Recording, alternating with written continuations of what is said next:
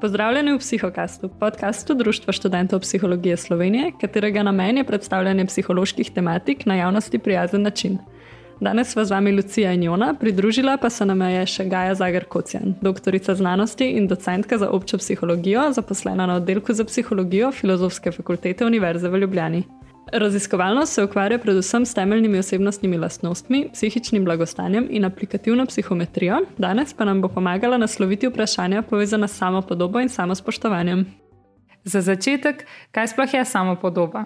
Ja, lahko bi rekli, da gre za organizirano celoto predstav o svojih lastnostih, torej o tem, kdo smo.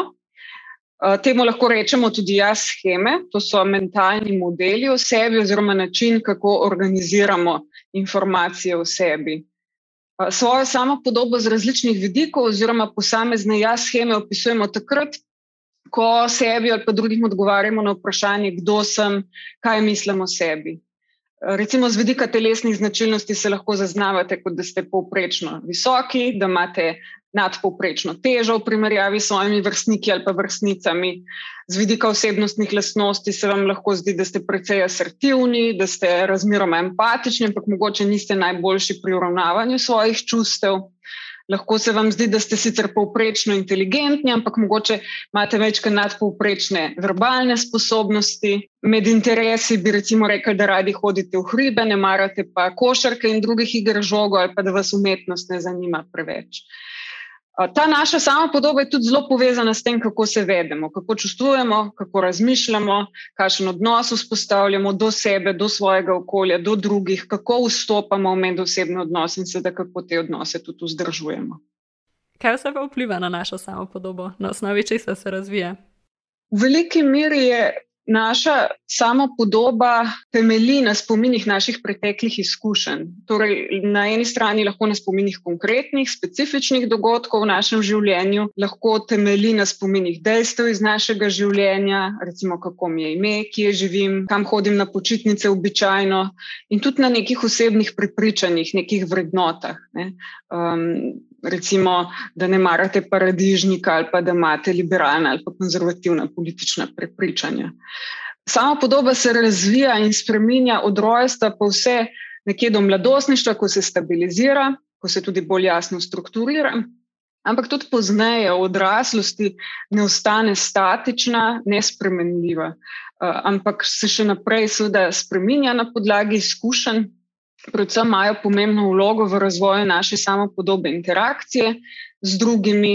Še posebej so pomembne te zgodne izkušnje, zgodne interakcije, kakovost odnosov eh, s primarnim skrbnikom ne, oziroma s primarno družino. Pa tudi eh, pomembno vlogo ima tudi razvoj spoznavnih kognitivnih sposobnosti in seveda te zahteve, s katerimi se vsakodnevno srečujemo v našem uh, socialnem okolju. Je pa treba vedeti, da kljub tem razvojnim spremembam si v resnici ljudje v daljšem časovnem obdobju, v različnih situacijah, pripisujemo bolj ali manj enake ali pa zelo podobne lastnosti, kar pomeni, da je pravzaprav naša sama podoba tudi uh, kot celota razmeroma stabilna raziskave kažejo, da pri nas deluje tako imenovana težnja po samopotrjevanju. To pomeni, da se načeloma izogibamo, ignoriramo oziroma zmanjšujemo pomen tistim dogodkom, tistim informacijam, ki bi lahko spremenile našo uh, samopodobo. Pogosto o pomembi samopodobe zasledimo tudi pojem samospoštovanje. Kakšen pa je v bistvu odnos med tema konstruktoma? Ločnica med, med samopodobo in samospoštovanjem pravzaprav ni povsem jasna. Načeloma se samo spoštovanje nanaša na stališče, ki ga imamo do sebe. E, to je lahko pozitivno ali pa negativno, oziroma je lahko bolj pozitivno ali pa bolj negativno. Pričemer visoko samo spoštovanje pomeni, da se sprejemamo taki, kot smo, da se cenimo, da smo zadovoljni s sabo. Če imamo pa nizko samo spoštovanje, velja pa obratno, torej, da se ne cenimo, ne odobravamo svojih lasnosti, da imamo negativno mnenje o sebi. Uh, nekateri ga pojmujejo tudi kot pozitivno ali pa negativno oceno samo podobe. Ne, torej, da uh, te lasnosti, ki si jih pripisujete, bodi si odobravate ali pa ne, oziroma sami sebe, bodi si odobravate ali pa ne. Sicer pa te novejše ugotovitve, novejše raziskave ugotavljajo, da bi pravzaprav morali na mesto v nekem splošnem samospoštovanju v resnici govoriti o dveh dimenzijah samospoštovanja. Prva je zaznava lastne kompetentnosti, torej mira, do katere se zaznavamo kot sposobne, kot učinkovite, druga je pa samo ugajanje. In, in to samo ugajanje se nanaša na zaznavo naše socialne vrednosti oziroma temelji na sprejemanju strani drugih. Na kaj vse pa vpliva ta naša samopodoba in samo spoštovanje? Ja, naša, naša samopodoba in samo spoštovanje se povezujeta z našim delovanjem na najrazličnejših področjih življenja. Če se visoko ocenjujete na neki lestvici samospoštovanja, potem se boste zelo verjetno visoko ocenjevali tudi na drugih mirah, ki kažejo na neke vidike prilagojenega delovanja. Recimo, da imate boljše medosebne odnose, da ste bolj srečni, da ste bolj telesno privlačni, da ste tudi bolj pametni. Ne, čeprav te povezave ne kažejo nujno na to, da bi samospoštovanje ali pa samo podoba učinkovala na te izide, v smislu, da bi bili bolj objektivno bolj privlačni, pametni in tako naprej, ampak predvsem na to, kako se zaznavate. Torej, predvsem se zaznavate kot pametnejši, privlačnejši, srečnejši in tako naprej. Um, sama podoba in samo spoštovanje se pomembno povezujejo različni vidiki našega blagostanja. V bistvu je nizko samo spoštovanje diagnostični kriterij pri več motnjah, opredeljenih v eh, diagnostičnem in statističnem priročniku za ljudi, eh, ki imajo visoko samospoštovanje, recimo značilno, da doživljajo več pozitivnih čustev, da so bolj srečni, da se bolj spoprijemajo s stresom, si prej opomorijo po nekih travmatičnih dogodkih, manj so eh, dovzetni za nihanje razpoloženja, manj so nagnjeni k doživljanju negativnih čustev, manj znakov depresivnosti, anksioznosti kažejo in tako naprej. Uh, kar nekaj raziskav je tudi preučevalo vlogo samopodobe v šolskem kontekstu. Tukaj so recimo ugotovili, da se sama podoba pomembno povezuje z učnimi dosežki, še posebej, če gledamo povezavo med samo podobo na specifičnem področju in uspehom na tem področju, recimo med matematično samo podobo in uspehom pri matematiki.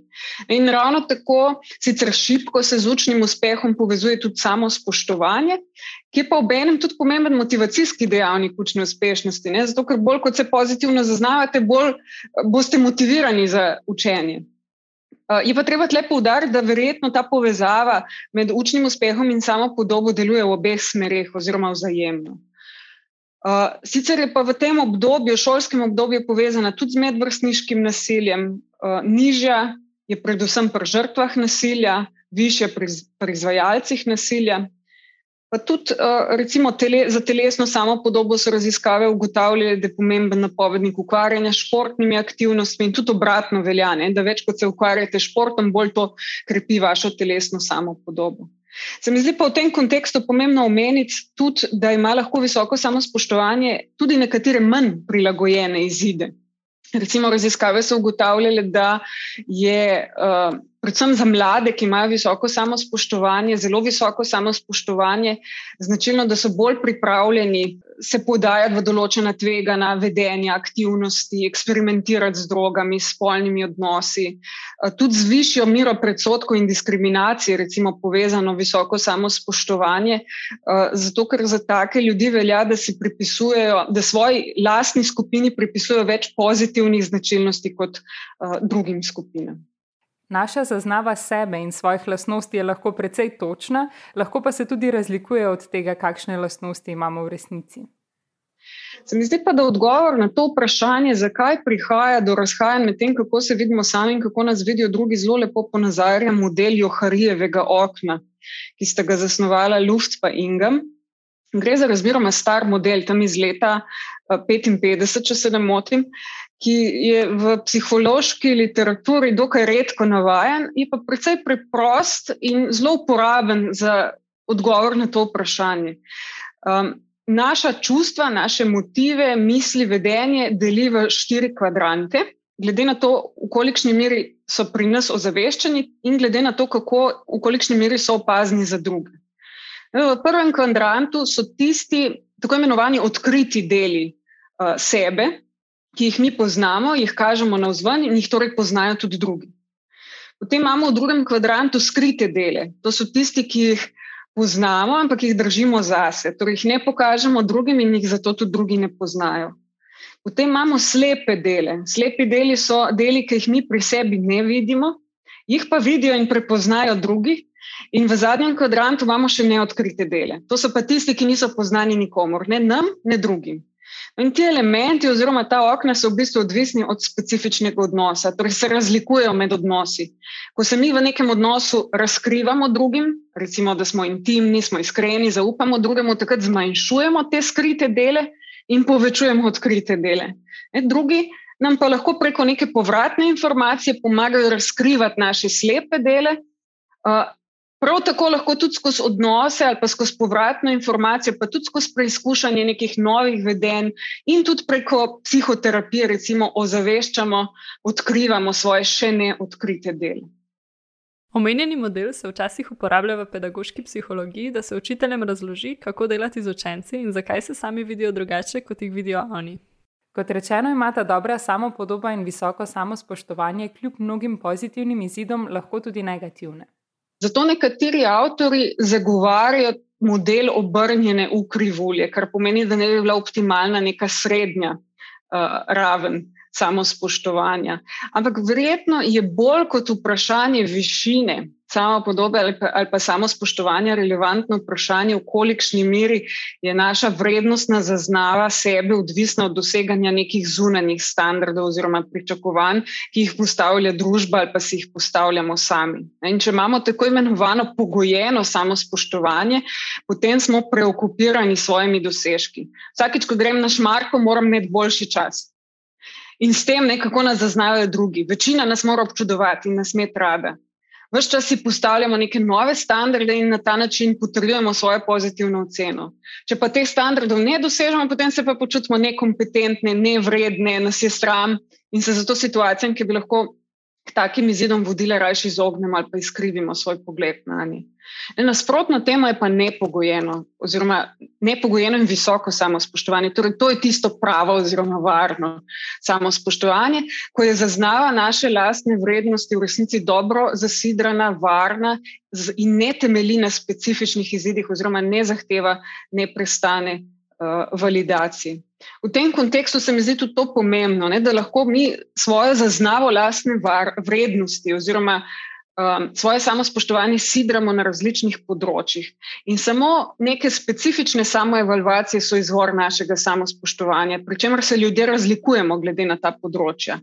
To pomeni, da je naše samospoštovanje odvisno od našega uspeha ali pa neuspeha na teh specifičnih področjih, na katera mi sidramo svoje samospoštovanje.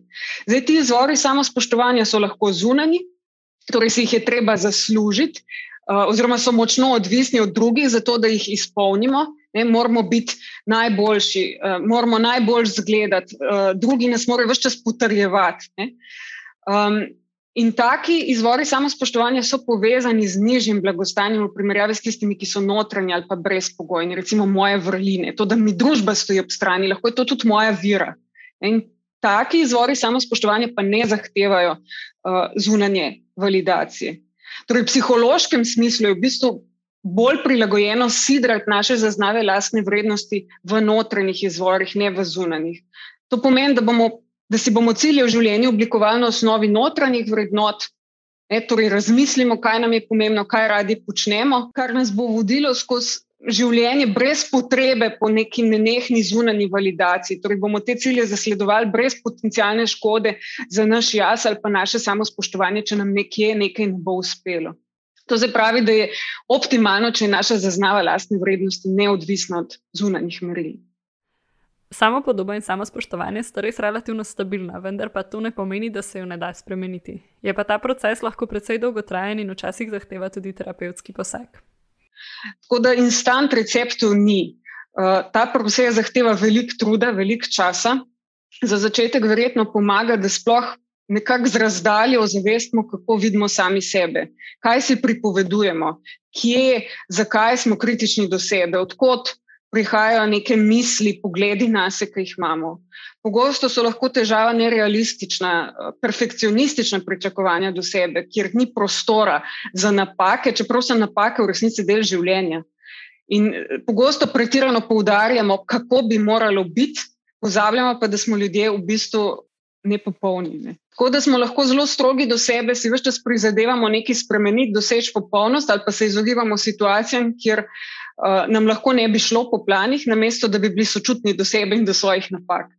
Ali pa vidimo predvsem tisto, kjer nam ne gre, ne pa vsega tistega, kjer smo dobri, uspešni. In vse te pozitivne vidike moramo na nek način načrtno, disciplinirano ozavestiti, izvati ta svoja kritična stališča do sebe oziroma poiskati tako imenovane notranje izvore samoevalvacije na mesto zunanjih, ne, torej tega, kako me vidijo drugi, ki v resnici zahtevajo na nek, povzročajo na nekaj strah pred tem, da mi ne bo uspelo in da me bodo drugi zavrnili. Če imamo slabo samopodobo in nizko samospoštovanje, se lahko to kaže v tem, da ne zaupamo vase, se ne cenimo, ne odobravamo, imamo negativno mnenje o sebi in smo zelo samokritični. Kaj pa pravzaprav pripelje do tega? Ja, dejavniki, na katerih temelji oblikovanje samopodobe in samospoštovanja, so kompleksni. Uh, naše pretekle, predvsem zgodne izkušnje, interakcije z drugimi so lahko pomemben dejavnik slabe samopodobe ali pa nizkega samospoštovanja. Če, na primer, otrok prejme pozornost staršev in odobravanje samo takrat, ko se vede na določen način, ga bo to naučilo, da je dober in vreden samo takrat, ko izpolni pričakovanja drugih, ne? recimo, da dobi dobro oceno zgodnje izkušnje, kot so zanemarjanje, zloraba, ustrahovanje, vse to ima lahko negativen učinek, ker ste pač prepričani, da ste slabi in si zaslužite kazen. Uh, ampak tudi brez takih večjih negativnih izkušenj se lahko razvije slaba samopodoba ali pa nizko samospoštovanje o pomankanju topline, naklonjenosti, spodbud, pozitivne pozornosti in odzivnosti staršev. Lahko izstopate kot otrok, ste tiste čudne in vas vrstniki zavračajo. Tudi to lahko prispeva k nizki samopodobi oziroma samospoštovanju. Kakšne posledice imate lahko za nas slaba samopodoba in nizko samospoštovanje? Na vseh področjih življenja jih najdemo, verjetno najpomembnejša je pa na področju eh, duševnega zdravja oziroma blagostanja, torej doživljanje več negativnih čustev, večje nihanje razpoloženja, pogostejše, intenzivnejše doživljanje simptomov anksioznosti, socialne anksioznosti, depresivnosti. Nizko samospoštovanje je tudi dejavnik tveganja razno razne psihopatologije, vključno recimo z motnjami hranjenja in tudi dejavnik tveganja za pojav tveganih vedenj, v kakovosti medosebnih odnosov se odraža, ne, recimo osamljenosti, zaskrbljenosti, kako nas drugi vidijo, kaj si drugi o nas mislijo. Na področju dela, recimo v obliki perfekcionizma, nerealističnih ciljev, lahko tudi v obliki prokrastinacije, ne, pa v načinu, kako se spoprijemamo s stresom in tako naprej. Ljudje se z drugimi primerjamo na različnih področjih, naprimer glede uspešnosti pri študiju, delu, športu, glede tega, kako izgledamo. V bistvu imamo neke vrste urojeno težnjo, da sebe ocenjujemo, pogosto glede na to, kje stojimo v primerjavi z drugimi. Govorimo lahko o različnih vrstah primerjav. V zvezi s samo podobo, oziroma predvsem samo spoštovanjem, sta najbolj pomembni dve. Eno so primerjave na vzgor, drugo pa primerjave na vzdolj. O primerjavah na vzgor govorimo, ko se primerjamo s tistimi, ki se nam zdijo boljši od nas na nekem področju. Recimo, da se primerjate z najboljšim študentom ali pa študentko v letniku, ali pa z vašim znancem, ki ima največ lajkov, je najbolj priljubljen na družbenih omrežjih. No primerjave na vzdolj pa vključujejo primerjave s tistimi, za katere menimo, da jim gre na nekem področju slabše kot nam. Naprimer, pri študiju jim gre slabše ali pa so manj priljubljeni. Zdaj, nižje kot je naše samo spoštovanje, bolj težimo k primerjavam na vzgor. Uh, slaba stran tega pa je, da lahko take primerjave še poslabšajo naše počutje oziroma odnos do sebe in na nek način vodijo v začaran krok. E, samo poglej to fotko, ful dobro zgleda, jo, jaz sem pa tako staromodna, pa ne zanimiva v primerjavi z njo. Ali pa v športu. Ne. Jo, poglej te čase, neverjetni so, pa ko mi pol leta trenira. Jaz pa že dve leti tečem, pa sem slabši. Kaj se sploh trudim, če itak ne morem doseči podobnih rezultatov, nikoli mi ne bo uspelo. Je pa treba vedeti, da ni vsaka taka primerjava na vzgor problematična. Primerjave na vzgor so lahko tudi motivacija, da pri sebi nekaj izboljšamo, da napredujemo. Lahko nam da kolegica, ki ima smisel za modo, kakšno idejo, kako skombinirati oblačile. Ne? Lahko želimo teči hitreje, boljše in bomo zato naštudirali tehniko, treninge, pripravo nekoga, ki teče boljše. Torej, sama socialna primerjava v osnovi ni problematična, je nekaj normalnega, kar ljudje spontano počnemo in je lahko čisto zdrava, če zaznavamo, da imamo nadzor, torej ustrezna sredstva, sposobnosti, kapacitete, da lahko spremenimo svoje okoliščine. Zdaj, kako se lahko ubranimo pred negativnimi posledicami, ki jih potencialno lahko imajo te primerjave na vzgor za naše samospoštovanje? Fino je, če razmišljamo, kaj se lahko od drugih naučimo. Ali pa skušamo oblikovati bolj realističen pogled na situacijo. Ok, res dobro zgleda na tej fotki, ampak vse vemo, da so fotografije v revijah ali pa na netu pogosto obdelane. Zato bom to, kar vidim, vzela z malo rezerve, pa se bom predvsem osredotočila na to, da bom jaz bolj zdravo živela, da se bom več športom ukvarjala in mogoče bom tako svojo postavo izboljšala. Ali pa v športu, ne. Wow, res ima super rezultate. Mogoče ga lahko vprašam, kako trenira in na ta način izboljšam svoje treninge, da bom imel tudi jaz um, boljše rezultate. Sicer pa mogoče no, v tem kontekstu velja še to omeniti, da so te socialne primerjave primer zunanjih izvorov samospoštovanja. Če mi vežemo svoje samospoštovanje na taka zunanja sidra, je praviloma to bolj pogojeno, torej bolj odvisno od zunanje validacije in zato manj stabilno. In je dobro, predvsem, da se manj osredotočamo na take primerjave in bolj na to, kaj je nam pomembno, kaj nas usmerja skozi življenje, kaj si mi želimo obvladati, ker nas to veseli, ker nas to zanima in ne zato, ker želimo biti boljši od drugih. Kot rečeno, smo nagnjeni k primerjanju z drugimi, kar pa pogosto najlažje storimo preko socialnih omrežij. Nažalost je eden možnih stranskih učinkov takih primerjav tudi ta negativen učinek na naše samospoštovanje, ker gre pri socialnih um, omrežjih oziroma socialnih medijih najpogosteje za, primer, za te omenjene primerjave na vzgor. Torej, to, kar ljudje predstavljamo, recimo na Instagramu, ni naš pravi jaz, ne, skupaj z vsemi manj prijetnimi, manj zaželenimi lastnostmi, ki jih imamo, ampak običajno prikazujemo svojo socialno zaželeno podobo. To je tista podoba, ki bi jo mi radi vzpostavili, ki bi jo radi uresničili, ki bi jo radi dosegli, ampak je zaradi nekih omejitev v resničnem svetu, v vsakodnevnem življenju ne moremo. Torej, v bistvu je tako, da bi mal napeli resnico. Ne. Objavite samo tiste fotografije, na katerih dobro izgledate, ali pa samo tiste, ki so popravljene, retuširane, ki so obdelane. Objavite samo tiste športne dosežke, na katere ste posebej ponosni, ker so res vrhunski. In zaradi tega si lahko o drugih, včasih ustvarjamo napačne predstave. V bistvu uporaba socialnih medijev na ta način spodbuja predvsem primerjave na vzgor. Vi se doma v raztegnjeni trenirki spravljate pospravljati stanovanje, malo ste še ne prespani, malo ste še kremžljavi in na telefonu, na Instagramu zagledate fotografijo vaše kolegice, ki vsako ti škatlice s popolno obleko, frizuro in make-upom pije kavo ob čudovitem razgledu na morje, za njo je pa peščena plaža. Pomembno je, da ne pozabimo, da to, kar vidimo na Instagramu ali pa drugih socialnih omrežjih, v medijih, ni cela zgodba.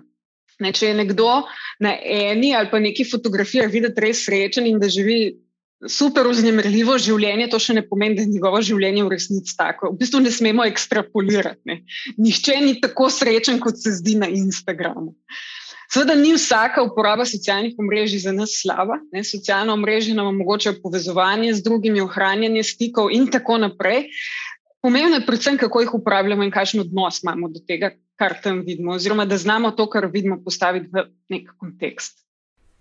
Prej smo govorili o različnih negativnih izidih slabe samopodobe in nizkega samospoštovanja. Če se z njimi sooča kdo od naših bližnjih, je pomembno, da mu poskusimo stati ob strani, kar lahko storimo na različne načine. Drugemu lahko predvsem nudimo oporo in spodbudo, ki jo lahko priskrbi dober prijatelj.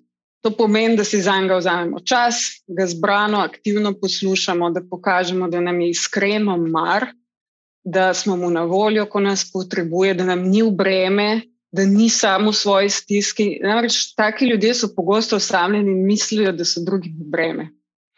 Nič ne pomaga, če probamo drugemu logično razložiti, ne, da ni neumen, pa zakaj ni neumen, če on misli, da je neumen. Ali pa da um, ne se ne počuti tako, kot se. Oh, se to pa res ni nič takega. Ne. Lahko ga pa vprašamo, zakaj se tako počuti. Ali pa se je kaj takega zgodilo. Lahko pritrdimo uh, njegovim občutkom. Ja, to je pa res razočaranje, res je moralo biti zoprno. Tudi sam sem se v podobni situaciji počutil zelo neprijetno. Ne. Že samo, da prisluhnemo, da damo spodbudo, je lahko precej, da poskrbimo za nek prijeten skupen čas. Lahko tudi pomagamo z druge plati pogledati na problem. Naprimer, lej, učiš se še, za tabo je poškodba, še vedno okrevaš in tudi to je lahko razlog, da počasneje napreduješ kot drugi. Včasih nas lahko kot psihologe zavede skušnjava, da bi terapirali ali pa analizirali svoje prijatelje ali pa partnerje, ampak se je dobro temu izogniti. Lahko pa usmerimo drugega tudi na psihoterapevtsko pomoč, če ocenimo, da bi komu koristila.